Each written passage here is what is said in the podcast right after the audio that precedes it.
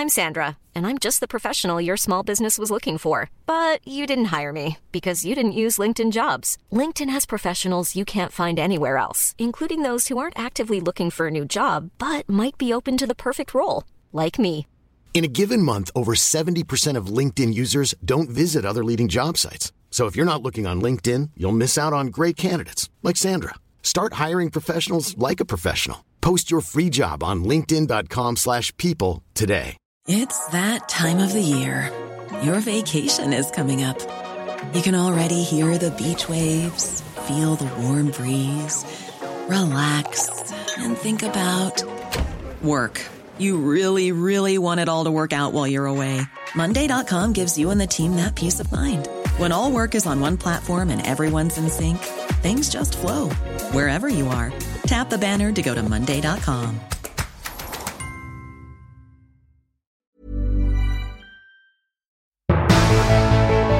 Rykk tilbake til start. Pandemien var ikke over. Vi følger pressekonferanser og nileser koronasmittetall og nye nasjonale regler. Og helt sentralt er kommunikasjonen fra Folkehelseinstituttet, som pøser ut pressemeldinger og talepunkter til talspersoner som vi bare må lytte til. Er det media som bruker FHI, eller er det FHI som bruker media? Det lurer vi på. denne uka. Og vi skal lure og spørre, og vi får også svar for, fordi kommunikasjonsdirektøren i Folkehelseinstituttet Yay. er gjest. Yep. Så da har vi masse spørsmål som vi eh, håper å få svar på. da. Men eh, før det, Eva, eh, hyggelig å se deg. Eh, du ser våken deg, ja. og frisk og rask ut. Er det noen spesiell grunn til det? Eh, nei, at det er morgen og det er snø ute, og jeg blir glad av det, da. Ja, du er sånn skiforeningsjente, du. Som bare får øynene bare Med en gang det er snø, så bare Yes! Ja, men da må jeg faktisk innrømme at jeg ikke har prøvd skia ennå. Fordi at eh, jeg skulle i helgen, men, eh, men det var ikke nok spor til at jeg gadd. Jeg hadde ikke mulighet til å dra så langt, så det blir denne helgen, da. Ok, Men uh, nå blir det jo mildt, da, så nå blir snøen borte, i hvert fall i lavlandet. Så da, Ja, da rakk du ikke det. høyden. Ja.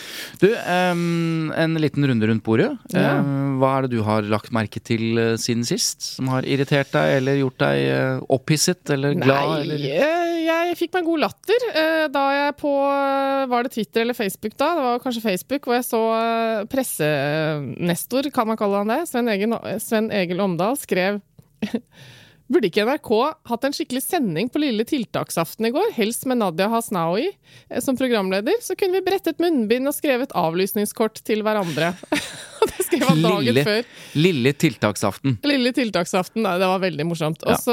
Og så, det var jo sånn, eh, når vi visste at nå kommer det innstramninger, nå kommer det tiltak, og så tenkte jeg da kommer det noe i morgen tidlig, da, så jeg får vite om jeg skal på ditt og datt event som jeg egentlig er booka inn på sånn. Men nei da, da ble det bestemt at det var eh, pressekonferanse klokken 19 dagen etterpå, så det var jo et helt døgn der hvor man måtte sitte og vente, så det var jo skikkelig lille tiltaksaften. Altså det var en lang lille julaften-følelse, med masse sånn vente på, hva tror vi, vi er spente, masse dekning i media om hva de tror ble tiltakene. Litt sånn meningsløs eh, venting, Men tror du det var tilfeldig at de la pressekonferansen til klokka sju? Eh, fordi det er Dagsrevyen. Ja. Det syns jeg ikke er god nok grunn med den pressedekningen som er i korona nå. Nei, eh, jeg tror ikke de vent, satt og ventet i tolv timer på at Dagsrevyen skulle begynne, men de trengte vel dagen antageligvis. Men poenget mitt er at det er ikke tilfeldig at det er klokken 19 presis, og ikke klokken 18.30 eller klokken Nei, nei, 20. nei, selvfølgelig ikke. Eh, bra regi på Dagsrevyen. Det så, når jeg så Dagsrevyen på tirsdag denne uka, så var det sånn de to programlederne ikke sant? De kjører overskrifter, og, og programlederne skal introdusere. Og akkurat på sekundet, når de akkurat har introdusert, så ser du den storskjermen bak disse ankerne, nyhetsankerne. Ankerne. An ja, jeg er litt amerikansk på akkurat anchors. Det er jo et amerikansk ord. Men eh, i hvert fall så kommer da statsministeren og helseministeren og helsedirektøren bare glidende inn bak på den storskjermen når Dagsrevyen på en måte hadde bestilt det. Ja. Og det er jo nettopp det som skjer. Altså Det er jo da kontakt med regi i Dagsrevyen Ja. og de som står bak eh, podiet på statsministerens kontor, eller hvor de står igjen, Ja. og så sier de 3, 2, 1, nå kan dere gå på. Og de gjør det fordi eh, politikerne vil jo også at dette skal se eh, bra ut, ikke sant? Spennende. Ja, sånn er det. Ja. Sånn er det. Bak, jeg så det jo ikke denne gangen fordi jeg satt i et møte faktisk akkurat da.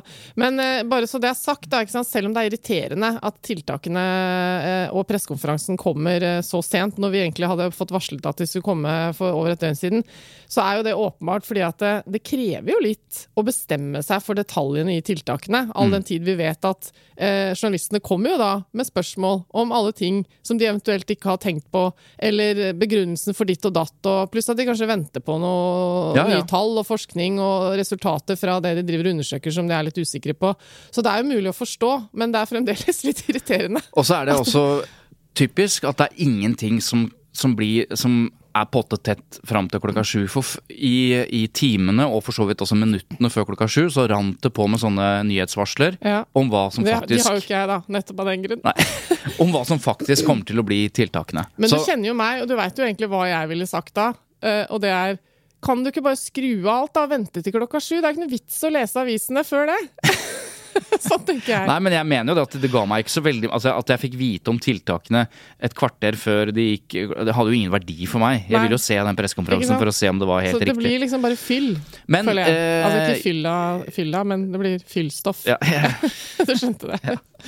Jeg, jeg la også merke til eh, eh, For så vidt har min oppmerksomhet har vært knyttet til dette, nettopp av litt samme grunn. Vi, vi har Ikke bare har vi et julebord som skal avvikles innenfor reglene, men det er en del eh, en del ting vi eh, har lyst til å gjøre som vi ikke kan gjøre nå. Mm. Så jeg fulgte pressekonferansen. Og da eh, er jeg tilbake igjen til, eh, til eh, hvordan stille spørsmål-nerd Svein Tore igjen.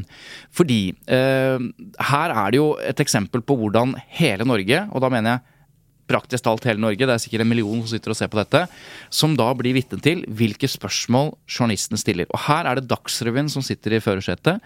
Det betyr at Dagsrevyen også har fått muligheten til å stille de første to spørsmålene. Så da Dagsrevyens reporter Petter Svaar, som er en av NRKs mest erfarne eh, journalister, veldig god, veldig flink fyr, vært eh, korrespondent i Asia osv. Han er nå, skal stille spørsmål. Her er første spørsmål. Første spørsmål går til NRK. Jeg ber om at hver redaksjon begrenser seg til to spørsmål. Takk for det, Peter Svaar fra NRK. Spørsmål til Støre først. Eh, Vi har jo fått beskrivelser her av en ganske kritisk situasjon i helsevesenet, eh, hvor det er fare for overbelastning noen steder. Vi kan være uker unna at folk ikke får den helsehjelpen de trenger. Det Petter Svaar her gjør, er at han etablerer på en måte en slags enighet. Han kommer med fakta. Han sier at eh, sånn er det, vi har fått mange sånne. Nå det 320 Ikke sant? Han forklarer liksom hele settingen. Dette er vanskelig å være uenig i. Det er viktig at det han nå sier, er riktig. Ok. Dere har ikke fulgt flere Og så kommer det, aner du et kritisk spørsmål her. Tar dere i dag noen grad av selvkritikk for måten dere har håndtert denne høstens smittebølge? Spørsmålet er altså, tar dere noen grad av selvkritikk Ja. i hvordan dere har håndtert dette? Kan jeg få gjette hva du syns er feil? Kom igjen. Det er et ja-nei-spørsmål. Ja. Og, og det er veldig lett å svare på det, fordi han legger jo veldig sånn eh, forbehold også når han sier 'tar dere noen grad'. Det er veldig lett å si ja. Ikke sant? Hvis han har sagt 'tar dere selvkritikk', så måtte de utdypet eh, svaret litt hvis de skulle si Men ja. tror du at Støre eh, si, tar selvkritikk? På direkte spørsmål tar dere selvkritikk? Eh, det tviler jeg på. Ja. Altså Det er dette vi kaller et lukket spørsmål. Altså Det er bare ja og nei, egentlig, men det blir jo ofte begrunnet hvis du har sagt nei. Så har du behov for å si noe mer. Men det er også det vi kaller et avklarende spørsmål. Så det er ikke det verste ja og nei-spørsmål. Det er ikke sånn ekstremt ledende, selv om, selv om Men han lurer oppriktig på om de er villige til å ta noen grad av selvkritikk. Problemet med spørsmålet er, er nettopp det at det å stille folk direkte spørsmål om du tar selvkritikk, så vil du sjelden få det. Selv om det kan være at de egentlig mener at de kunne gjort ting litt annerledes. Eh, og så jeg gidder ikke å du, du, du får ikke svaret her, men konklusjonen er at eh, Støre gjør rede for hva de har gjort, og hvorfor det er riktig det de har gjort, og tar ikke selvkritikk. Han sier ikke 'jeg tar ikke selvkritikk', men hele svaret eh, er ingen fortelling Han om sier heller ikke ja, jeg kan godt ta noen Nei. grad av selvkritikk, fordi da vet han, han er jo ganske erfaren, at da blir overskriften i en eller annen avis at han tar selvkritikk. Mm. Men hvordan kunne dette spørsmålet vært formulert for at vi skulle øh, at, han fakt, at vi skulle hørt en eller annen form for innrømmelse som jo i praksis ville vært en selvkritikk, uten å kalle det det? Hva skulle du stilt spørsmål om da? Åh, så tidlig på morgenen å få et sånt eh, utfordrende Jeg har svaret! Ja, det på har du hvilket jo selvfølgelig. spørsmål Ja. Hvis du stiller spørsmålet eh, om hva er det dere kunne gjort annerledes Mm. om noe?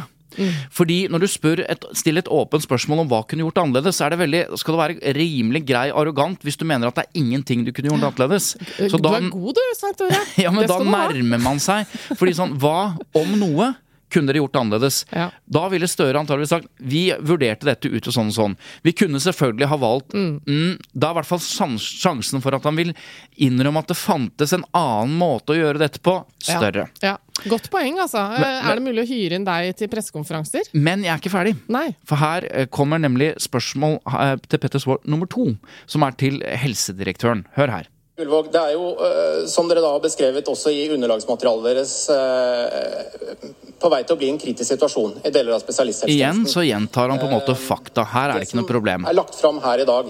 Tenker du at det er godt nok til at eh, legene ute på intensivavdelingene og på covid-postene nå kan senke skuldrene? Senke skuldrene. Nettopp. Altså Her er det igjen et, eh, et lukket spørsmål. Spørsmålet er egentlig er dette godt nok. Er pakken god nok? Men så gir han seg ikke ved det, selv om han, eh, han kunne stilt et åpent spørsmål. Eh, hva vil denne pakken føre til, eller hva syns du om den pakken dere nå har lagt fram, eh, osv. Men han legger på et ganske, det vi kaller et triggerord i Ja, og ord er viktig. Veldig. Er dette, er dette godt nok til å senke skuldrene? Ja. Altså, det er jo ingenting i denne pandemien, eller i hvert fall den situasjonen vi står i nå, som skulle tilsi at, At noen helsepersonell at helseper- kan senke skuldrene. Nei. Så hva tror du svaret her er? For man skjønner jo hva han mener, men Ja, det blir allikevel upresist uh, i den sammenhengen. Ja, i Mm. hvert fall så, blir, så svarer jo Gullvåg her at det, jo at det å senke skuldrene, det, det driver vi ikke med, liksom. Eh, men det er bare en påminnelse om at når du legger på spørsmålet begreper eller ord som folk liksom reagerer på, så glemmer man lett hva som var utgangspunktet på spørsmålet, om dette er godt nok. Eh, ja, vi mener at det er riktig. Du kan jo høre liksom hvordan han svarer helt først her, da. Nei, dessverre så tror jeg, jeg For det første vil jeg si at jeg mener at det er en god pakke som er presentert av regjeringen. Her holdt Gullvåg på å snakke seg bort, og det var litt interessant. Er det godt nok til å senke skuldrene? Og så begynner han, og så tenker han senke skuldrene. Nei, nei, nei, selvfølgelig er det ikke godt nok for å senke skuldrene. Så tar han seg i det, fordi spørsmålet er egentlig om det er godt nok. Og det mener han jo, for han har vært med på de rådene her, så han, han drar det i seg, da. Eller han, han, han retter seg selv at dette er riktig, og dette er en viktig pakke. Belastningen på helsetjenesten er stor nå.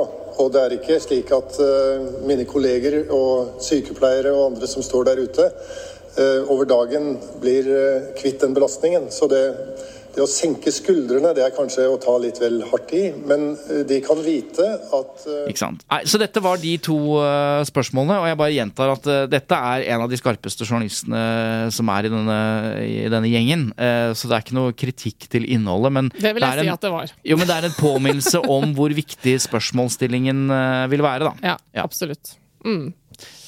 Ja, ellers da? Ellers, da?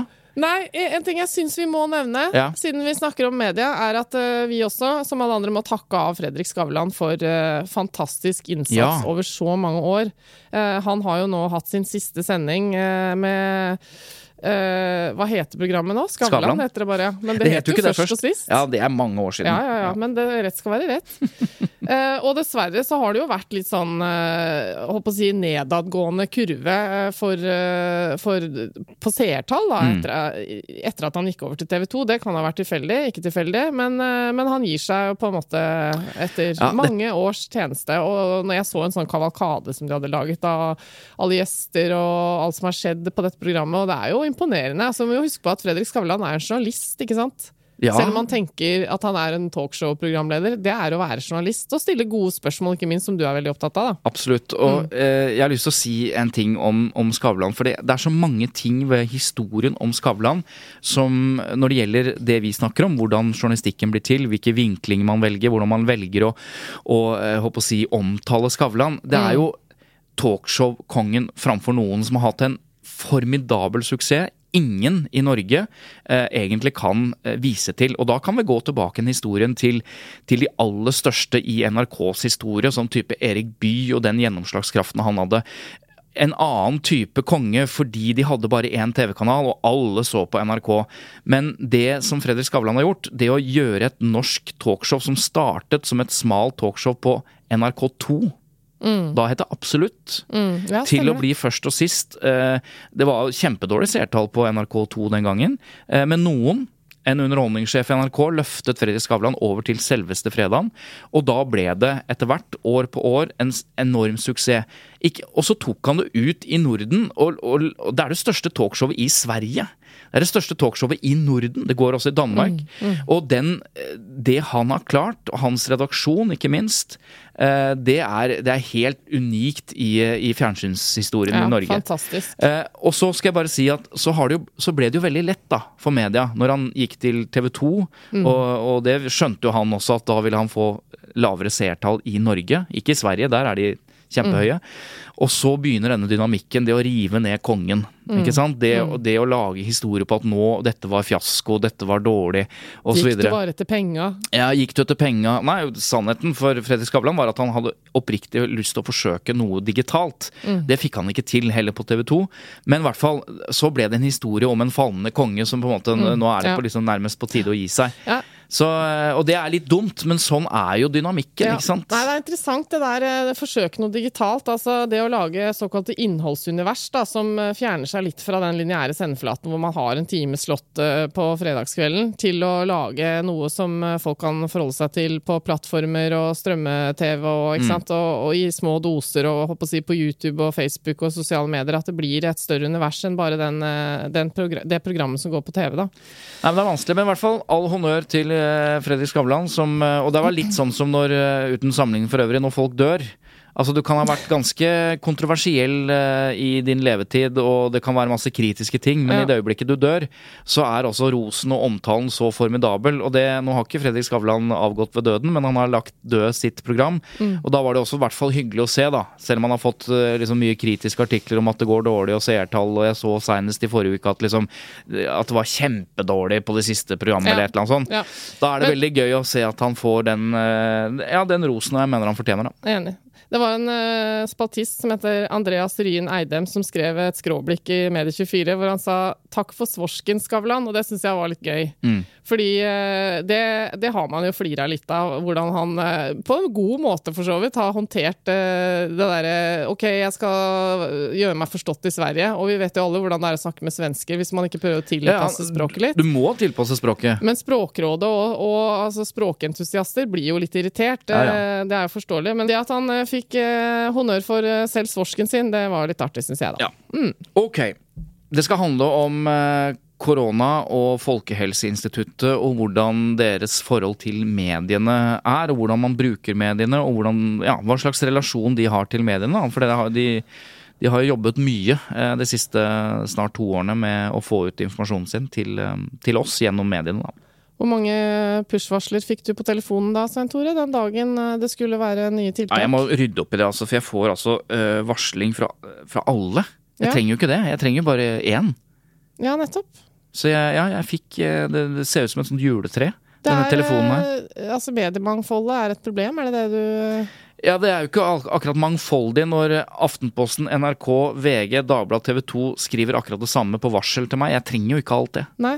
Men det kan jo hende at eh, de har, at bare, at de har en kjempeviktig sak eh, som ikke handler om, som ikke alle har, og da vil jeg ha de varslene, da. Ja, altså, dette er et problem. Det er ikke så lett å være et medie og ha en tjeneste som heter nyhetsvarsel på mobilen. Eh, og tenke sånn eh, Nå har vi et varsel som jo er megaviktig sak. Og, men allikevel vurdere skal vi droppe det nyhetsvarselet fordi alle andre kommer til å ha det. Så det blir jo bare mas for folk. Ja, det, så- det gjør det jo åpenbart det ikke, da. Men Så er det en som rekker opp hånda og sier ja, men hva med de som bare abonnerer på nyhetsvarsel fra oss? Ja, Da må vi jo nesten gjøre det, og sånn går nå dagene. sånn går nå dagene. Men i hvert fall, det skal handle om FHI, Ja, og da er det vel på tide å introdusere gjesten vår. Det er det jo da. Skal vi dele med lytterne at hun også, som den forrige gjesten, kom før oss? Eller er det noe som egentlig bare vi Eh, det må være lov å si, men eh, denne gangen så var det jo fordi hun var tidlig ute. Det er ikke sant, Kristina? Jo, jeg var tidlig ute. Velkommen til deg. Tusen takk. Du er kommunikasjonsdirektør i FHI, og nå har det jo gått eh, en stund, så nå vet jo de fleste hva FHI står for, men for ordens skyld Folkehelseinstituttet. Ja. Også, Eh, Eller som Bent Høie sa. Hva var det han sa Hva igjen? var det han sa? Folkestøtte? eh, Folkehelseinstituttet, eller noe sånt. Ja. Folkehelseinstituttet. Ja, han klarte i hvert fall aldri å lære seg det. det, er jo hans, det var hans eh, måte å snakke på også, så, så jeg syns ikke vi kan starte med å mobbe tidligere statsråder her, Eva, Nei, for talefeil. altså, eh, tvert imot så vil jeg vel kanskje si, hvis jeg skal være helt ærlig, at jeg savner ham litt. Ja vel. Ja. Rent politisk, eller Eh, mer nei, sånn som menneske. Ja, som menneske. Jeg ble glad i han i løpet av det året. Han eh, var så mye rundt oss. og Da skal vi se om vi blir like glad i Ingvold Kjerkol. Det Kjerkol. må tiden vise. Ja. Ok, nok om det. Velkommen. Tusen takk.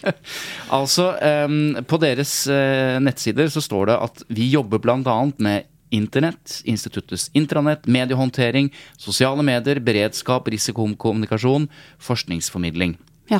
Em, og det vet vi jo nå, fordi dere, men dere har vel Det har vi gjort en del de siste par åra. Kan ikke du eh, med noen få ord beskrive, sett fra ditt ståsted, hvordan har dette halvannet året vært, eller nesten to årene, for, for dere som jobber med kommunikasjon og ut mot journalister?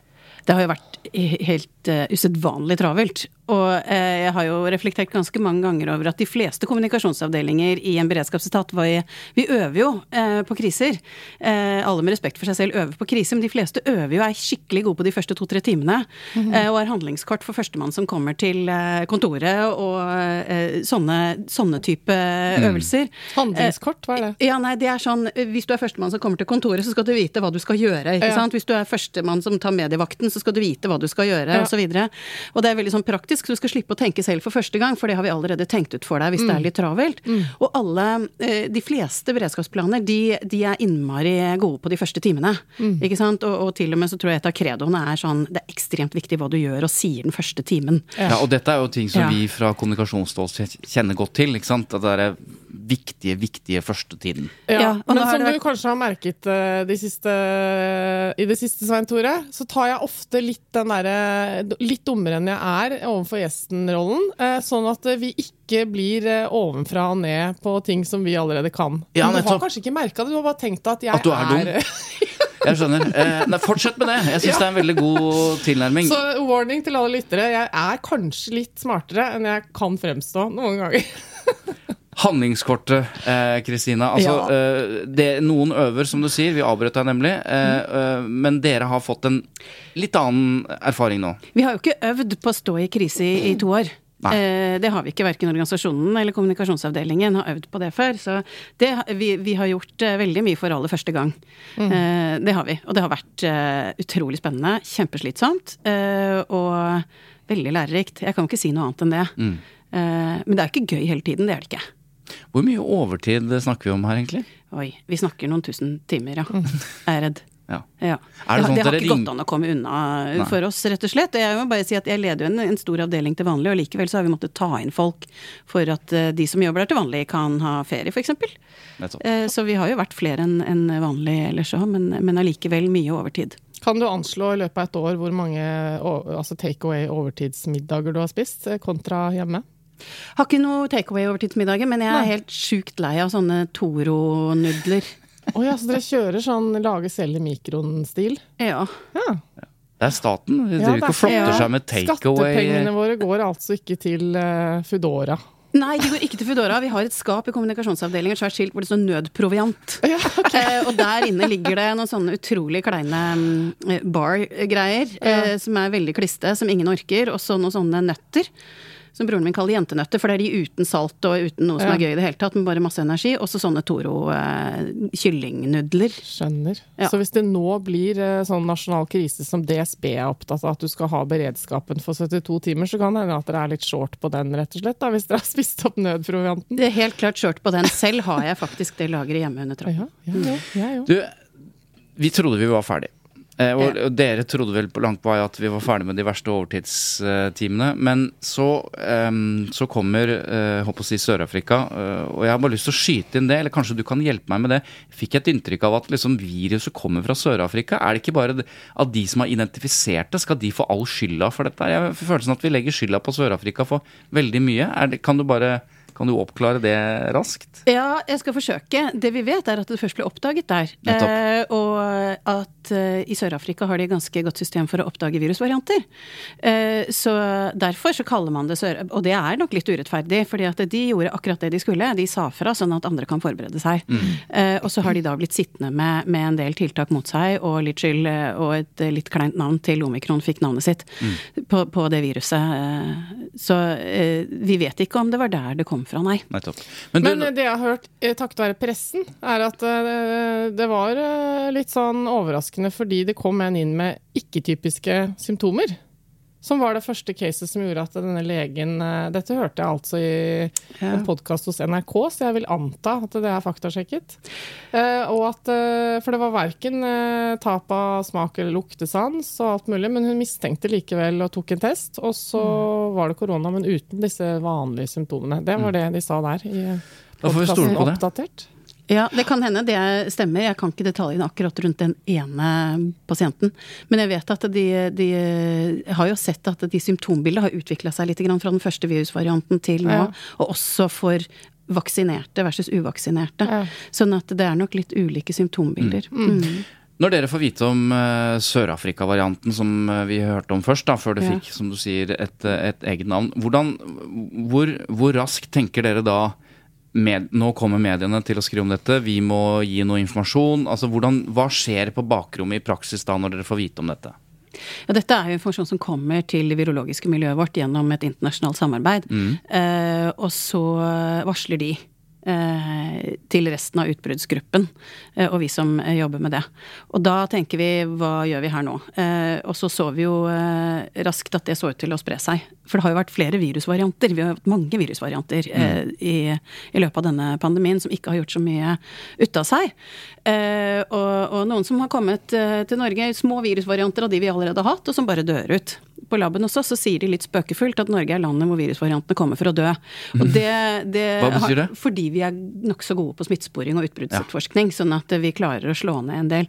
Eh, Men, men eh, denne virusvarianten, eh, der så vi jo at eh, ganske raskt at det, den så ut til å være noe annet, også fordi den hadde en, en annen type mutasjon.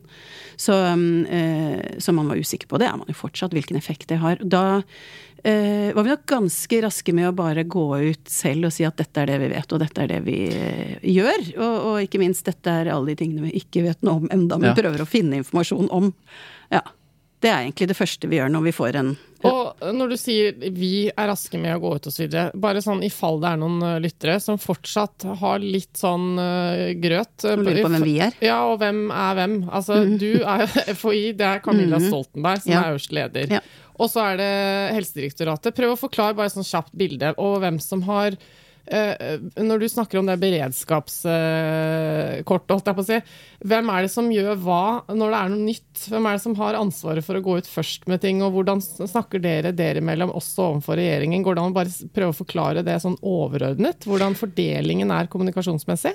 Ja, og det er ikke sånn kjempelett, så det, det er helt naturlig at, eh, at mange lurer på det. Eh, vanligvis, eh, når vi ikke er i krise, så er det jo sånn at Folkehelseinstituttet fremskaffer kunnskap og driver mange eh, utbruddsetterforskninger gjennom året på bakterier og E. coli og den type ting. Det gjør vi. Eh, og mens Helsedirektoratet er en myndighetsorgan og mer normerende som lager flere retningslinjer for helsevesenet f.eks. Når vi har en krise, som f.eks. kan gjelde flere kommuner i landet, eller flere land, som i dette tilfellet, så eh, er det ganske vanlig at Helsedepartementet delegerer koordineringen til Helsedirektoratet. Så da sant? Direktoratet er utøvende de altså koordinerer under oss. De skal, departementet. ja, de, ja, de eh, får den delegert fra departementet, og da skal de koordinere oss. Eh, oss alle i underliggende etater. Det var det som skjedde før 12. mars i fjor. Da var de koordinerende enhet. Det endret seg da fra 12, på 12. mars, for da overtok regjeringen koordineringen av, av, eh, av denne krisen, og da er det faktisk regjeringens justisdepartement som er lederdepartementet lederdepartement, Ja. som det heter. Men, men det som er litt, eh, og har vært lenge, litt krevende, det er jo at smittevernloven, som styrer hvordan vi jobber nå, Mm. og hvordan vi jobber sammen med Helsedirektoratet, den gir oss litt like oppgaver, også Helsedirektoratet.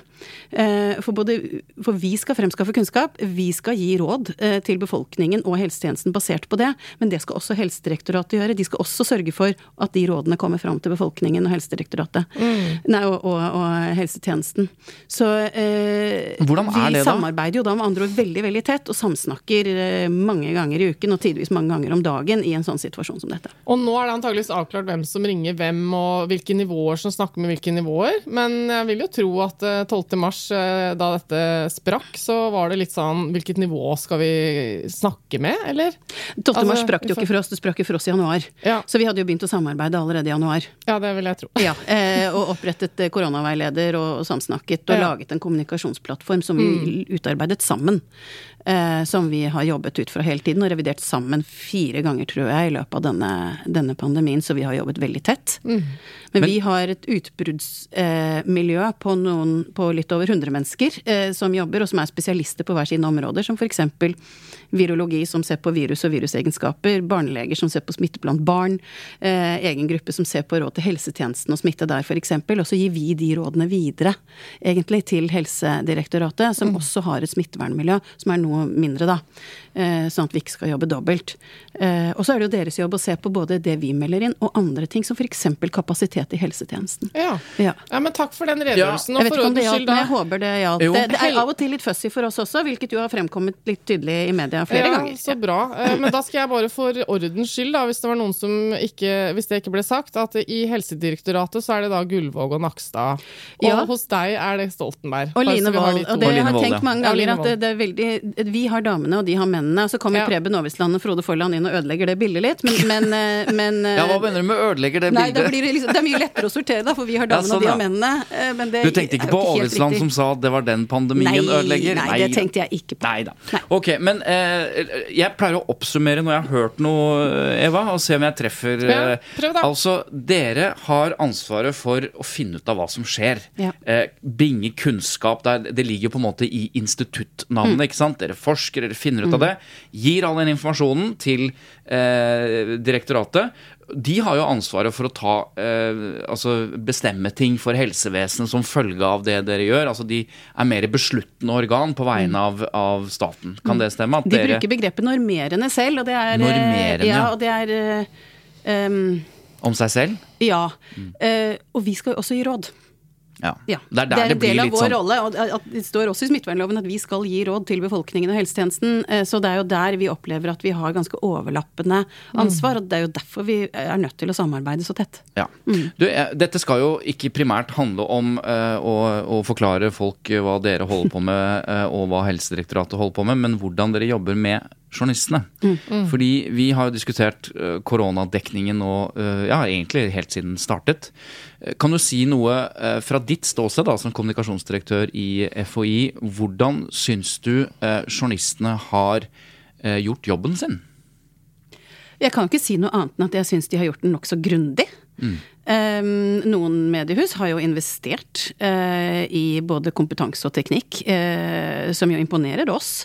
Vi syns jo det er kjempefint at de bruker mye energi på, og, og ressurser på, på denne dekningen, for det betyr jo at de stiller oss mye bedre spørsmål, og da kan jo vi gi mye bedre svar. Eh, og- så det er i all hovedsak så har vi faktisk vært ganske imponert. Ja. Det Og har vi. hvordan, og hvordan syns du eh, samarbeidet går på sånn daglig basis når de skal ha sine saker, de, sin informasjon, de ringer? Hvordan, hvordan er det det samarbeidet, syns du? Jeg, hørte, jeg leste en gang, tror jeg, en journalist som sa at det er ikke et samarbeid mellom media og Nei, nettopp, ikke sant? Fordi ja, det, det tror jeg nok journalistene ikke ville reagert Men realiteten er det jo det. Eh, Det er jo i hvert fall en samhandling, for å si det sånn. Ja. Eh, Og, og, og jeg opplever også på mange måter godt samarbeid. fordi det vi, vi eh, ser er jo at det er ganske mange som, som er kjempenysgjerrige, og som stiller spørsmål fordi de vil lære å vite. Og dette er jo kompleks materie, og særlig kanskje det første halvåret så hadde jo vi litt sånn uhøytidelige møter med media nesten hver eneste ettermiddag. Og da kom de til oss. Vi hadde ikke noe tale fra podiet eller noen talepunkter eller noe sånt. Vi hadde dagens tall som vi sendte et par av legene våre ut i foajeen vår med. Eh, Og så ble de stående en time og halvannen og snakke med de journalistene som kom. Noen ganger var det intervju. Veldig ofte lange bakgrunnssamtaler. Fordi eh, mediehusene trengte å lære. Eh, hva er dette, hvordan virker dette viruset, hva er en R, hvordan regner dere modellering? ikke sant? Altså Veldig mange av de samtalene som ikke er intervju, det har vi brukt mye tid på, og det har noen av disse største mediehusene kanskje brukt mye tid på. Og det gjør jo at eh, den samhandlingen eh, syns vi da veldig ofte handler om det det bør handle om. Um, og, og det er veldig mye god uh, mediedekning som er basert på at de som skriver om, om det og snakker om det, faktisk kan det de holder på med på et ganske komplekst tema. Det er ikke en selvfølge at uh, verken Media-Norge eller befolkningen generelt vet hva reproduksjonsavtale er. er.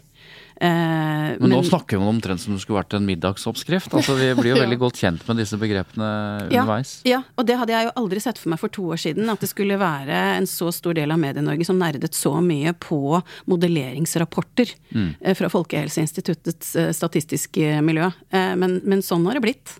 Men Eva, vi er jo eh, mediekritikere, eh, og da gir vi både ris og ros. Men det er, Mm. det er to, i hvert fall to aspekter ved medienes dekning som vi har diskutert gjennom dette året, som jeg kunne godt tenke meg å høre din liksom, vurdering på. Det ene er at pandemien eh, har gjort media til mikrofonstativ for staten. Liksom. Man rapporterer og, og, og både samhandler og samarbeider. Og nå har vi ikke noen fra pressen her til å forsvare seg Nei, det mot gir jeg blaffen i, for de klarer det helt fint. det. Men, eh, og, det, og det andre er eh, i og for seg eh, denne eh, altså tabloide vinklingen på smitte som gjør at befolkningen, eh, berettiget eller ikke berettiget, blir veldig veldig bekymra. At man overfokuserer på smitte og eh, tall på innleggelser og det hele tatt. Altså det, disse tallene uten eh, at man alle gjør seg kjent med kontekst, for det kan man ikke vente at alle lesere gjør. De bare hører 'rekordsmitte', det var det i, i natt, liksom, fikk jeg melding. Rekordmange. Aldri vært så mange. Det er de to aspektene som, som er interessante. Både, Jeg vil si tre. Ja, har det kommer et til her, ja. Ja. Og det tredje er at eh, noen journalister nok vil hevde at de ikke får nok informasjon på det tidspunktet de burde ha det for å kunne bedrive kritisk journalistikk. Det er vel en tredje variant, er det ikke det? Ja, ja, nå tenkte jeg på eh, Det jeg mener er, kan være kritikkverdig mot media. Det er overfokusering på tall og smitte som gjør at Ja. vi er bekymra. Og den andre kritikken mot media er at de bare er et mikrofonstativ. At media selv Ja. mener at de er, ikke Ja, får da nok må det være er et på en svar på det siste i så fall. Nettopp. Ja. Mm. Ta det første først. Dette, du sa jo selv at, er, at eh, journalisten sier at det er ikke et samarbeid. Er en, ikke sant? Og det, I det ligger jo at de skal ikke være mikrofonstativ og samarbeide med å bare få informasjonen ut. De skal stille kritiske spørsmål. Hvordan syns du de har gjort det? Vi syns jo vi har fått ganske mange kritiske spørsmål. Eh, Men vi har vært veldig eh, glad for at de kritiske spørsmålene har vært eh, prega av at de som stiller dem, vet hva de spør om, som jeg var inne på i stad. Det har faktisk vært fint å ikke måtte kaste bort tiden på, på å forklare ting som eh, som allerede egentlig da er anerkjent og forstått. Så det, det har vært en fin ting. Uh, vi syns vi har fått en del kritiske spørsmål. Jeg tror uh, vi har vært tre eller fire ganger i NRK bare for å snakke med NRK om hva vi gjorde og tenkte de siste døgnene før 12. mars. Ja. Og det har vært eh, Ja, ba- lange, som en baker- som det har vært lange sit-down-intervjuer med Camilla Stoltenberg i flere omganger med de samme spørsmålene. Hvorfor gjorde dere ikke, hvorfor sa dere ikke, hvorfor kan dere ikke dokumentere? Um, for eksempel. Uh, og vi har jo fått veldig mye kritiske spørsmål knyttet til prioritering av vaksinene i den perioden da For det er jo et ja, tidligere i år, da, da vi måtte prioritere fordi tilbudet var mindre enn etterspørselen, rett og slett, av vaksiner. Og vi måtte gjøre en prioritering som var litt annerledes enn det de gjorde i noen andre land i Europa, egentlig. Hvor vi eh, prioriterte etter først risikogrupper, og deretter geografi der smitten var størst. Eh, noen eh, var veldig kritiske til at vi gjorde det overhodet. Andre var veldig kritiske til at ikke vi hadde gjort det i større grad eller før. Um, så vi opplever jo at vi får eh, mye kritikk for at vi foreslår for inngripende tiltak, og vi får mye kritikk for at vi foreslår for lite inngripende tiltak. Eh, veldig mye av den kritikken kommer i form av kronikker fra andre fagfolk. Eh, og ikke bare journalistene, men det er klart de er også kilder til eh, journalistene. Og, og vi ser jo at vi, vi syns vi får en del eh, kritiske spørsmål til hvorfor vurderer dere sånn som dere gjør. Og i disse dager så får vi helt betimelige kritiske spørsmål på hvordan redegjør dere for Vet vi nok om hvorfor dette kom nå? Ikke sant? Eh, har dere gjort en samfunnsøkonomisk analyse? Hva er, hvor forholdsmessig er de tiltakene dere har eh, foreslått nå? Kan dere begrunne de? Nettopp. Men, mm. ja. For det, bare for å følge opp den, da, så, så er det jo en del journalister eh, vi både har intervjuet i, her og i andre sammenhenger, som gir inntrykk av at det er litt frustrerende noen ganger når man kommer på pressekonferansene, at man ikke har fått underlag på forhånd. Sånn at det er vanskelig der og da å stille de gode spørsmålene. Eh, Fordi det, man har ikke bakgrunnen for beslutningene som er tatt i forhold til tiltak, f.eks. Uh, og at det da, for dem som er journalister og har i, i, i sitt DNA at de skal stille kritiske spørsmål, så er det vanskelig. Fordi at eh, akkurat på pressekonferansen, som da live-overføres, og det har vært veldig mye av det, så, for, så blir det egentlig litt sånn mikrofonstativ eh, stativ for, Statistikk, mikrofonstatistikk, mikrofonstatistikk, som vi også kaller det.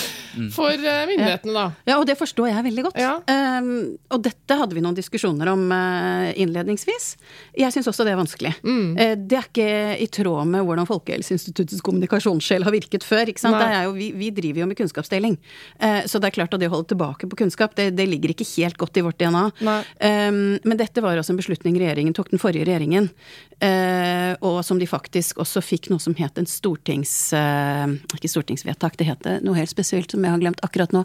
Um, hvor um, uh, beslutningen er at uh, beslutningsgrunnlaget for de vedtakene regjeringen gjør, det skal offentliggjøres før pressekonferansen. Sånn at man har muligheten til har å stille spørsmål til om det. det. Mm. Men hvor lenge før er jo poenget her, ikke sant? Og, og da hadde regjeringen ga oss beskjed om at ikk- vi får ikke lov til å offentliggjøre våre råd til regjeringen før regjeringen sier nå kan dere offentliggjøre deres råd til oss. Eh, det må vi finne oss i. De leder denne krisen. Men, men eh, jeg skjønner veldig godt eh, frustrasjonen i media. Eh, for det er jo som du sier, da blir det vanskeligere for dem å stille gode spørsmål. Det vi får lov til i Folkehelseinstituttet, som jeg er veldig eller får lov til, det vi gjør, og, og ingen har sagt at vi ikke skal gjøre det, eh, det er jo å publisere all kunnskapen vi har, når vi har den. Altså når vi forsker, oppsummerer, gjør analyser og studier, det publiserer vi fortløpende når vi har det klart. Og det er det risiko, mange av disse pressemeldingene ja, også handler om. risikovurderingene våre, eh, når de kommer, enten om totaliteten i pandemien eller om enkelte virusvarianter, sånn som de siste to, eh, de publiserer vi når vi har det klart, Mm. og leverer til Helsedirektoratet og regjeringen til orientering. Og- så så det er, for, for vår del er det viktig å kunne gjøre. Ja. Og da um, ikke få, liksom, ikke spørre regjeringen om ja, nå har vi funnet ut noe her, er det greit at vi går ut med denne informasjonen til journalistene? De- Dere bare sender det ut. Det gjør vi ikke. Eh, Men akkurat der hvor vi får oppdrag, vi er jo nå oppe i oppdrag snart 600, eh, og ingen av dem er ett spørsmål, for å si det sånn. De fleste har en del underspørsmål. Og det er jo de beslutningsgrunnlagene hvor vi gjør ganske grundige vurderinger som ligger til grunn for de vedtakene regjeringen tar. De får vi ikke lov til å publisere før regjeringen sier go. Og det gjør de gjerne én til to timer før Så dere publiserer forskning, kunnskap, alt det der, men eh, dere publiserer ikke svarene på spørsmålene dere har fått fra regjeringen som skal danne grunnlaget for beslutningen? De gir oss oppdrag til Ja. regjeringen, til. Helsedirektoratet og Folkehelseinstituttet, og vi svarer samtidig og publiserer samtidig. Og så har dere på en måte eh, gjort dere kjent for å også eh, være ærlig når dere ikke har svar, og Ja. ikke vet, og ikke er sikre. Det, det, sånn husker i hvert fall jeg veldig tydelig at Camilla Stoltenberg det har fått litt skryt for også. Ja da, hun Er er det sagt, nytt? Nei, det er ikke nytt for oss. Eh, men, men det er klart at det å stå i en sånn situasjon som vi er i nå, og stå på pressekonferanse flere ganger og si at vi har tatt feil før og vi kommer til å ta feil igjen, eh, og i enkelte tilfeller vi håper vi tar feil. Fordi vår jobb er å være så profesjonelt bekymra at vi tegner opp sånne verstefallsscenarioer. Eh, og det er vanskelig for mange medier å skjønne at et scenario er et scenario, ikke noe vi faktisk tror kommer til å skje, men, men et varsko om at hvis ikke vi gjør noe nå, så kan dette komme til å skje. Og det er to litt ulike situasjoner. Eh, så det, vi har jo Det står eh, eh, vel ganske godt i risikokommunikasjonsboken at man skal være ærlig om usikkerheter. Eh, og det er eh, nok veldig viktig. Eh, det står ingen steder at man skal være åpne om uenigheter fagmiljøene imellom. Enten det er internt på Folkehelseinstituttet, eller det er mellom f.eks. Folkehelseinstituttet og Helsedirektoratet. Eh, og, og der har vi jo tatt en, en risiko, rett og slett. Det er et kommunikasjonsstrategisk valg vi har tatt. Mm. det har vi gjort mange ganger før. Vi har hatt flere ganger Ja, hva mener du med det? At ikke, hva, hva, ligger, hva ligger i dette her du sier nå? Det ligger at eh, det er en litt sånn opplest og vedtatt eh, krisekommunikasjonsplan også i staten og de fleste steder at man skal ha et enhetlig og tydelig budskap. Ja, Så man Ja. skal ikke snakke om uenighet på bakrommet? Det er ikke egentlig helt innafor, Men vi har fått vite om eh, masse uenighet på bakrommet. Journalistene har vært Ja. veldig opptatt av det. Ja, de har vært veldig opptatt av det, og vi har vært opptatt av å kunne være ærlige om det også. Og det er jeg ekstremt glad for, for det helt, det ville vært veldig vanskelig for meg som kommunikasjonsdirektør å ikke skulle ha det på den måten. Når det er såpass mange diskusjoner vi har faglig, og det er fordi at vi, det er jo hele tiden nye situasjoner, nye virus, ting vi faktisk ikke vet noe om. Men samtidig så kan jo den, når jeg får lese om dette i mediene, for media er veldig opptatt av den konflikten mellom Helsedirektoratet og Folkehelseinstituttet. Ja, noe vakent. Ja, ikke sant? Ja, det metaperspektivet tar jo av og til lite grann luven av eh, Selve budskapet. Selve Ja. budskapet som befolkningen kanskje trenger for å vite hva de bør gjøre og hva de bør vite. Eh, og det er klart det er viktig for oss at befolkningen skjønner hvilken situasjon vi er i, fordi vi ber jo eh, ber dem om å gjøre utrolig mange ting hele tiden som ikke så veldig mange mennesker har lyst til å gjøre. Ikke sant? Vi gir jo sterke restriksjoner på hverdagen til mange. Ja. Så, så da tenker jo vi at det er naturlig at de får vite hva vet vi, hva vet vi ikke, mm. hvorfor sier vi det vi sier. Um, og da er, det, da er det helt naturlig å være litt åpen også om de tingene vi ikke vet, og de vi diskuterer og er usikre på. Eh, Jeg har tenkt på, og jeg er interessert i hva du tenker rundt det, at eh, ettersom eh, journalistene er så opptatt av å være kritiske, eh, så, og så kommer de på pressekonferanse, føler at de ikke har fått underlaget, men de leter etter noe å være kritisk til. Det, det er mitt inntrykk noen ganger. Bare for å kunne være det. Sånn som det spørsmålet som vi hadde i starten her om tar dere selvkritikk? Ja, ikke sant? Og, så, og så lurer jeg på da om det blir litt sånn noen ganger, for jeg blir forvirra når det eh, Jeg får inntrykk av at pressen er veldig for at vi skal ta vaksiner. Altså Jeg opplever faktisk at pressen, nå skjærer jeg dem over én kam, da, men at de prøver å formidle til oss at vi skal ta vaksinen. Det er mitt inntrykk. Mm. eh, men så kommer det noen pressekonferanser og sånn, og så allikevel så kommer det litt sånn kritiske spørsmål bare for å være kritiske. Hver gang det er en pressekonferanse om noen tiltak og sånn. Så, så får Nå veit jeg ikke om jeg klarer å gjøre meg forstått her, men altså jeg føler at de da begynner å stille spørsmål som er kritiske, bare for å ha gjort det. Og så blir jeg forvirra og tenker er dere plutselig kritisk? Nå har ikke dere vært for dette hele tiden. Skjønner du hva jeg mener? Eller blir jeg Jeg skjønner hva du nå? mener, og må stadig minne meg selv om at pressen strengt tatt ikke skal ha en egen mening, enten de er kritiske eller ikke kritiske, sånn at, eller enten de er for eller imot vaksiner eller tiltak. Men jeg, jeg eh, traff en som, som hadde en venn fra New Zealand som sa det er så rart å se på de norske mediepressekonferansene, fordi på New Zealand, når, myndighetene der står og sier at der dere er nå, der skal dere være i 14 dager, og bare Ja. mur dere inne og bli der, så sier folk ok. Det er mulig det var litt karikert, men det var nå det hun sa. Eh, mens i Norge på pressekonferansene, når regjeringen lanserer tiltak, så står det helt mediekorps og rekker opp hånden, og det eneste de er interessert i, er unntakene, eller det som ikke er blitt beskrevet i tiltak. Så hvis det er, Ja. sant? Hvis det er mange konkrete tiltak om hvem som kan være sammen med hvem, og, og Ja. hvor de må være, og, og det ene med det andre, så kommer det med en gang nesten bare spørsmål Men har dere egentlig tenkt på de som har en mor i Norge og en far i Sverige? Ja, sånn, ja. Hva med de som pendler hver Men dag? Hva med jo å alle gjøre de jobben dere sin, da. ikke altså, så det er liksom, Ja, Fordi vi ikke har en utfyllende, fullstendig liste for fem millioner nordmenn om hva Mm. alle, skal gjøre, så kommer spørsmålene til alle de andre situasjonene som vi ikke har laget en regel for. Mm. Uh, og, og jeg syns egentlig de har vært veldig kjappe til å komme med de spørsmålene med Finne tanke på feilene, ja. ja, finne feilene. Ja, finne Men det er, jo, det er jo noe herlig med at vi både er et tillitsfullt folk, altså vi gjør som vi får beskjed om. Vi har en presse som er opptatt, som du sier, av kunnskap, og sitter lenge, mange timer med dere for å forstå det. Og så stiller de også kritiske spørsmål. Så vi, så vi som befolkning også, selv om du blir usikker, Eva, så blir jo jeg mer trygg på at ok, så de, de prøver å, å, å sørge for at vi at, at de opererer som den, som den fjerde statsmakten de skal være, og sørge for at, at myndighetene nå ikke har, har gått for fort fram, eller osv. Så, videre. så det at det ligger kritiske spørsmål, eh, og noen ganger høres det bare påtatt ut, men andre ganger så er jo nettopp de viktige kritiske spørsmålene det som gjør at myndighetene eh, tenker seg om to ganger, eller tar Ja, ja. fram noen unntak ja, og, og utreder osv. Men kanskje du har høyere tillit da, til myndighetene enn det jeg har? At det er det det begynner i? til mediene eller myndighetene? Nei, myndighetene. Ja. At når du til slutt får råd, så tenker du da er det gjennomtenkt, og da stoler du på Nei, det. det vil jeg Mens ikke der si. er jeg sånn Ja, men hvis de har tvilt seg fram til dette, hvorfor skal jeg Jeg har, jeg har jevnt god eh, tillit til eh, myndighetene. Ja. Det er da det er, det er da, da det er en fordel at vi kan redegjøre for hva vi har tenkt. Mm. Så hvis, du, liksom, hvis de har tvilt seg fram til dette, hva skal jeg gjøre, så kan du da i beste fall lese det selv og gjøre din egen vurdering. Det er jo hele hensikten. Eller så kan jeg gå på YouTube og se nye videoer om uh, hvorfor man ikke skal ta vaksinen osv. Nei, det er en helt annen skål. Vi Eller kunne bare godt snakket lese masse i pressen, ja. For der Ja. er det litt mer ordentlig. Men jeg kan jo nevne at, at, at øh, og, og der var vi Vi var ikke forberedt uh, overhodet på alle innsynsbegjæringene vi kom til å komme få, og vi har fått helt avsindig mye mm. innsynsbegjæringer, og, det vi hadde ikke noe apparat på det. det. Vi hadde ikke noe apparat for det, ikke sant, på den måten. Altså, vi hadde en rutine for hvordan vi håndterer innsynsbegjæringer, selvfølgelig, for det har man jo. Men, men vi var jo ikke forberedt på å få så mange hundre og tusen innsynsbegjæringer av typen all kommunikasjon mellom Folkehelseinstituttet og Helsedirektoratet i tre måneder.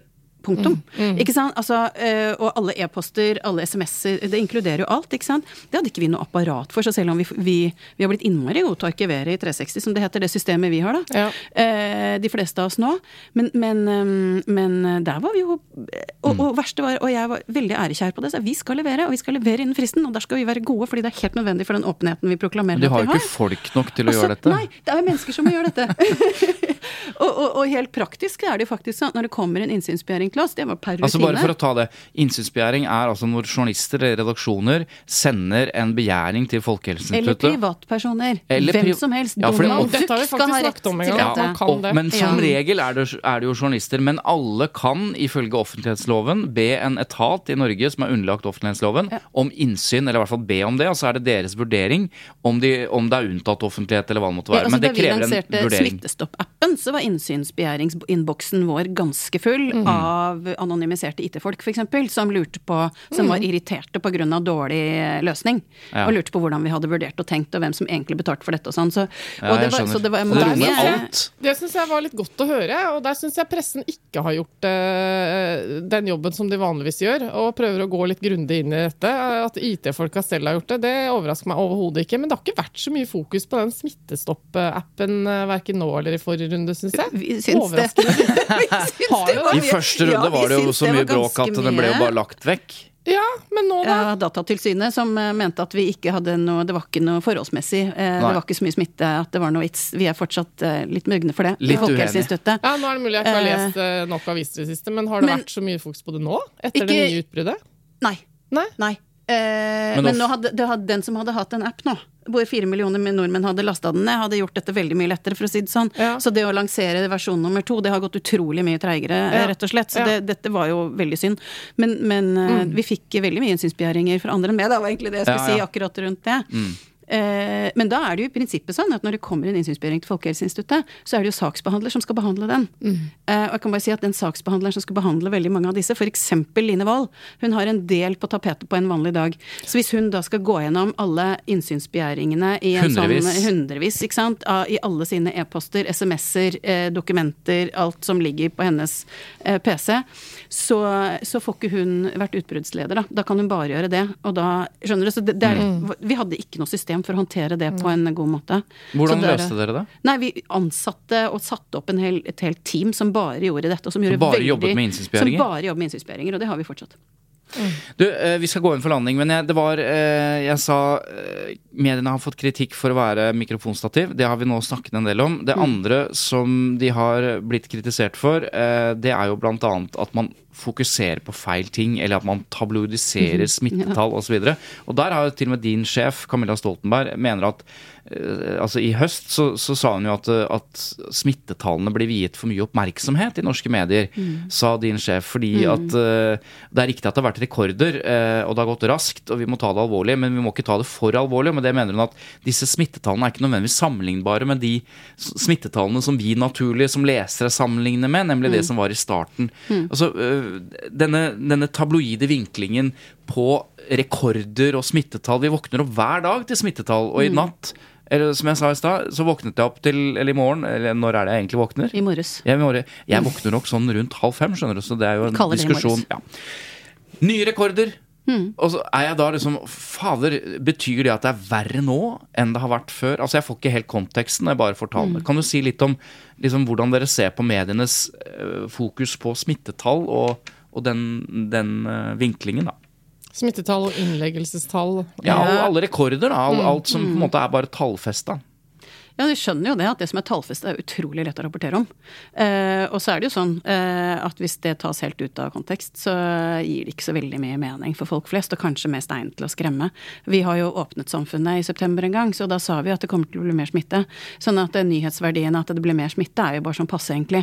Men det som er viktig for oss, det er jo eh, er det for mange mennesker som er innlagt på sykehus til at helsetjenesten kan håndtere det på en god måte, i tillegg til alle de andre som også trenger hjelp på sykehus. Det er jo det som er historien. Det er det som er viktig, og det er det som er eh, det vi har prøvd å, å påpeke. Og, og, det ser vi jo at uh, flere medier nå også klarer å, å få fram. Eh, men uh, men jeg tenker at Jeg vet ikke om jeg skal jeg syns jo ikke det er så rart, for det er tall, og tall er veldig lett å gripe til. Det er veldig lett å rapportere og Mer veldig lett å dag enn i vise går. til. Ja, eh, ikke sant. Sånn at det er jo veldig Det er veldig lett. Mm. Ja. Men eh, på en nettavis så kan man jo bare velge å scrolle raskt forbi den toppen på VG f.eks., og ikke forholde seg så mye til det, da. Ja. Men jeg reagerer veldig på på radio, som jeg hører mye på, at det, altså, hver eneste dag for meg starter med det. Og det syns jeg er verre. Når det skjer i, i et sånt lineært medium hvor det er liksom dagen uh, fylles av det hele Dagen tiden. starter med For da, ja, for jeg, alltid på med det. nettavisene, og spesielt det er lett å vise til VG, for de har fått priser for sin koronadekning, Mm. og, og de har samlet alt uh, i en sånn Ja, egen korona... Kjempefin, den koronamonitoren deres. Ja. Mm. Eh, så der, eh, det er jo en fin løsning, for da kan de som er interessert, gå inn. Og de som er litt lei av det, de kan bare overse den. Det er litt lettere der, ikke sant. Mm. Du, det er masse vi har glemt å spørre om, no, sikkert. jeg, vi kan men- ikke si ha det før vi har eh, i hvert fall stilt ett spørsmål. Ja. Hvem er det som eh, bestemmer ordene, skriver eh, uttalelsene, talene Altså det som blir sagt på pressekonferanser og sånn hos dere. Er det folk som sitter bare og jobber med kommunikasjon Altså med Nei. ordene? Nei. Er, Det, er det gjør de, selv? ja. Og nå skal det sies at når Camilla Stoltenberg er på en pressekonferanse, Mm. så holder hun gjerne en innledning. Da kommer jeg eller noen andre med noen innspill eh, til hva vi tenker at eh, verden trenger å høre akkurat fra oss akkurat nå. Og eh, det ser aldri sånn ut når hun holder den fra podiet, for hun legger sin egen valør og sine egne ord på det. Mm. Noen ganger skriver hun det helt om. Eh, andre ganger har hun kjempedårlig tid og, og stoler på, stole på meg. Eller, Mm. men, men som oftest så gjør hun det selv. Og så har hun med seg en del punkter fordi hun vet at hun blir spurt om veldig, veldig mye. Eh, detaljer eh, på temaer som hun ikke har helt top of mind alltid.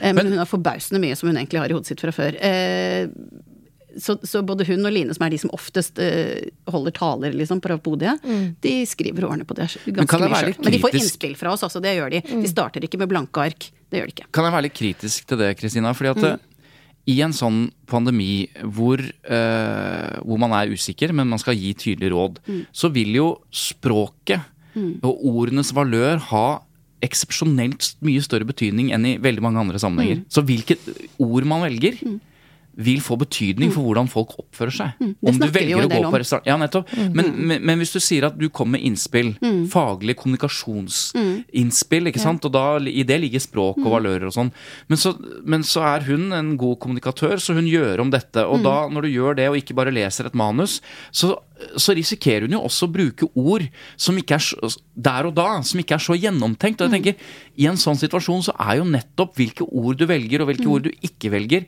ekstremt viktig. Så, så det høres jo litt uansvarlig ut på meg, da. At man bare Ja, at man, at man tar det og gjør det til sitt, eller du skjønner hva jeg mener med Ja, det? for det første så snakker vi om dette. Ja, det jeg snakker jo veldig ja. ofte sammen før hun skal holde og hun, hun, hun sier at jeg har gjort om det, eller jeg ser der. Og så jeg går jo inn og ser, og så hvis Mm. jeg virkelig har, mener noe om det hun har gjort av endringer, så sier jeg det, det er ikke så lurt, Camilla. Eh, og da kan det hende hun sier jo fordi. Ja, så gjør og hun begrunner det, ja. ja og begrunner det. Um, men jeg, jeg syns jo jeg er ekstremt heldig, for både Camilla Stoltenberg og Line Wold og Preben Aavitsland f.eks. er jo eh, gode med ord, da. De er gode med Gode språket sitt. Ja, de er gode. Og Mm. Det er jeg litt tenker at flaks det å ha ledere Ja, i den situasjonen som er situasjonen som er det. kjempeheldig som Ja. har de, fordi det, det betyr at det, det, det kommer fra dem. Mm. Eh, det kommer fra både hode og hjerte, og det syns jeg er eh, veldig bra. Mm. Eh, men det er klart jeg mener noe om hvilke ord de bruker, jeg mener om hvordan vi snakker. eh, og, og det snakker vi jo sammen om.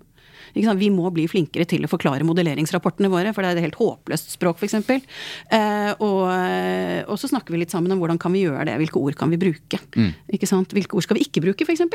Eh, er jo også noe av det vi snakker en del om. Vi snakkes hver dag om disse tingene. For det var ikke gitt for fem år siden at lederen i Folkehelseinstituttet kom til å sitte med så mye direkte kommunikasjon ut til det norske folk. Eh, Nei. Så man kunne jo Mm. hatt uflaks og hatt en leder som ikke egna seg til det. Og da måtte man jo enten hatt veldig mye prepping, Ja. eller eh, valgt en annen talsperson, da, som man kaller det i kommunikasjonsverdenen. Ja. i, i, på instituttet. ja. Ja. men det er vel Og en leder som, som med selvinnsikt. Ja. Det krever jo også en leder med selvinnsikt. Mm. Nå har jeg en leder med selvinnsikt, men hun er også eh, heldigvis da veldig god. Ja. Så mm. Vi, altså, vi må bare avslutte, for vi, for vi um, har et ansvar overfor lytterne våre som er ute og jogger. Uh, Ja, de, de, må få lov til å gå, ja, kan gå hjem og dusje. de må ikke, kan jo ikke bare fortsette å løpe ut i skogen med, fordi at vi ikke blir ferdig. Uh, selv om det er folkehelsemessig interessant. Da, Eller gå på ski, da, som ja. de gjør nå, kanskje. Ja, kanskje det er det. Ja. Men det jeg skulle si var om du hadde noen uh, oppfatninger av Vi snakker ofte om journalistisk metode. Eh, og kritiserer av og til når mediene eh, bruker metoder som ikke Eller som er i grenseland eh, hva presseetikken angår. Da, ikke sant? At man kan hoppe over en del viktige presseetiske vurderinger i sitt arbeid. Når du sitter og har jobbet nesten to år med journalister som skal ha informasjon, innsynsbegjæringer, de skal ut og bruker informasjonen deres, lager tabloide vinklinger, klikksaker osv. Er det noe ved metodikken eller metoden som journalistene bruker som du har stusset litt over, reagert på? Om det er enkeltepisoder eller andre ting? Eller hva, hva slags inntrykk har du av det? Stort sett så har jeg et godt inntrykk av det. Så har vi selvfølgelig en del episoder hvor vi tenker at det der der, der kutta du jammen i meg setningen i halvt for å få en overskrift, gitt. Eh, vi har jo noen sånne. Eh, og, og medier som går full sirkel på sin egen misforståelse med å kutte en setning i halvt, lage en overskrift, så eh, må en eller annen annen komme inn og rydde i kaoset etterpå på kvelden på deres egen eh, forside. For er det noen som er verre enn andre på det? Eh, Det har jeg ikke lyst til å si, for vi sam samhandler med, med disse mediene hver eneste dag. Og jeg tør ikke sitte og, ta, og henge ut noen. Det er rett og slett sånn, for det er en litt sånn skjevt maktforhold den veien også. Eh, som vi jo eh, av og til merker, ikke sant. Det er jo noen kanskje enkeltmennesker, fordi journalister også er mennesker, som har ganske sterke meninger. Eh, det skinner jo igjennom, f.eks. Og det må jo vi forholdes oss profesjonelt til, selvsagt. Eh, og en del av den profesjonaliteten er at jeg ikke sitter og snakker om det her nå.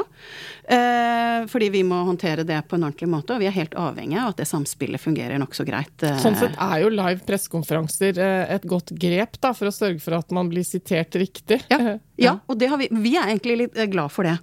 Eh, nettopp av den grunn. Eh, å, å få komme live i studio. Eh, sånn, og, og vi er veldig glad for de live pressekonferansene. Som før i tiden så var jo en pressekonferanse faktisk når fagfolk snakket til pressen. Nå er jo det når vi snakker til hele landet mens pressen filmer og spør. Eh, så det er jo en helt annen eh, setting, ikke sant. Og, og det er jo veldig bra for oss at alle hører det samme samtidig. Men da unngår man jo en del av de eh, ja, Fornøyd med metodikken eller med, med tilnærming pressen bruker overfor dere som institutt? I all hovedsak, ja. Veldig, veldig takknemlig for at de bruker så mye tid på å sette seg inn i et komplekst tema. Det gjør vår jobb veldig mye lettere. Se det. Skryt til pressen her eh, på tampen. Eh, Jeg tror vi skal si tusen takk for at du tok deg tid til, igjen, relativt hektisk, antar jeg, hverdag. Å Ja, komme er hit til. Tut og Mediekjør. Ja. Når dette er over, hvor skal du på ferie da? Vi, har, eh, vi bygger hytte. Vi er en av de, vi har ikke kjøpt hund, men vi, har, vi bygger hytte. Ja. Og jeg gleder meg intenst til å få lov til å være på den hytta uten å måtte koble meg opp på PC-en. Og det har du fortjent. Tusen takk. Og med det så tror jeg vi skal eh, runde av. Vi har jo hatt noen lyttespørsmål. De har vi da flettet inn i samtalen med Kristina, som er kommunikasjonsdirektør for FHI. Så da gjenstår det vel egentlig bare å si eh, på gjenhør. Lyd og produksjoner eh, produserer Tut og Mediekjør. Eh, takk til Atle for research og Simon for klipp. Eh, og så høres vi igjen. Vent nå litt. Vent nå litt, jeg har en kunngjøring Du har en ny kunngjøring. Ja. Få høre. Eh, vi har jo annonsert at eh, vi skal ha live podkast, som da blir neste uke den 15. desember. Nå må jeg dessverre eh, informere om at vi utsetter den. Etter råd fra Kristina, som her sitter i Ja. Folkehelseinstituttet. Nei. Det vil si at nå satt hun som et spørsmålstegn. Fordi vi kunne ha gjennomført den. Altså, I dialog med Pressens Hus hvor dette skulle avvikles, mm. så mm, kunne vi vært eh, 50 stykker på fastmonterte plasser, holdt jeg på å si, eller hvor folk satt ordentlig med, Med en meter avstand. en meters avstand og munnbind når de beveger seg inn i baren osv. Jeg var der i går. eh, Det gikk fint. eh, Men eh, vi har da bestemt at vi heller tar det når vi kan ha en litt hyggeligere samling med litt flere folk, og ikke så anstrengt. For vi har lyst til å treffe dere lytterne under Ja, litt så mange eh, som ja, under litt mer romslige omstendigheter. Ja. Så sånn eh, blir det. Da blir det vanlig podkast neste uke. Ja, så vi beklager det. Men vi lover at vi skal ha det med en gang det er litt uh, lettere Mm. tiltaksregler. Ja. Ok. Takk for at du hører på. Ha det. Ha det! Ha det.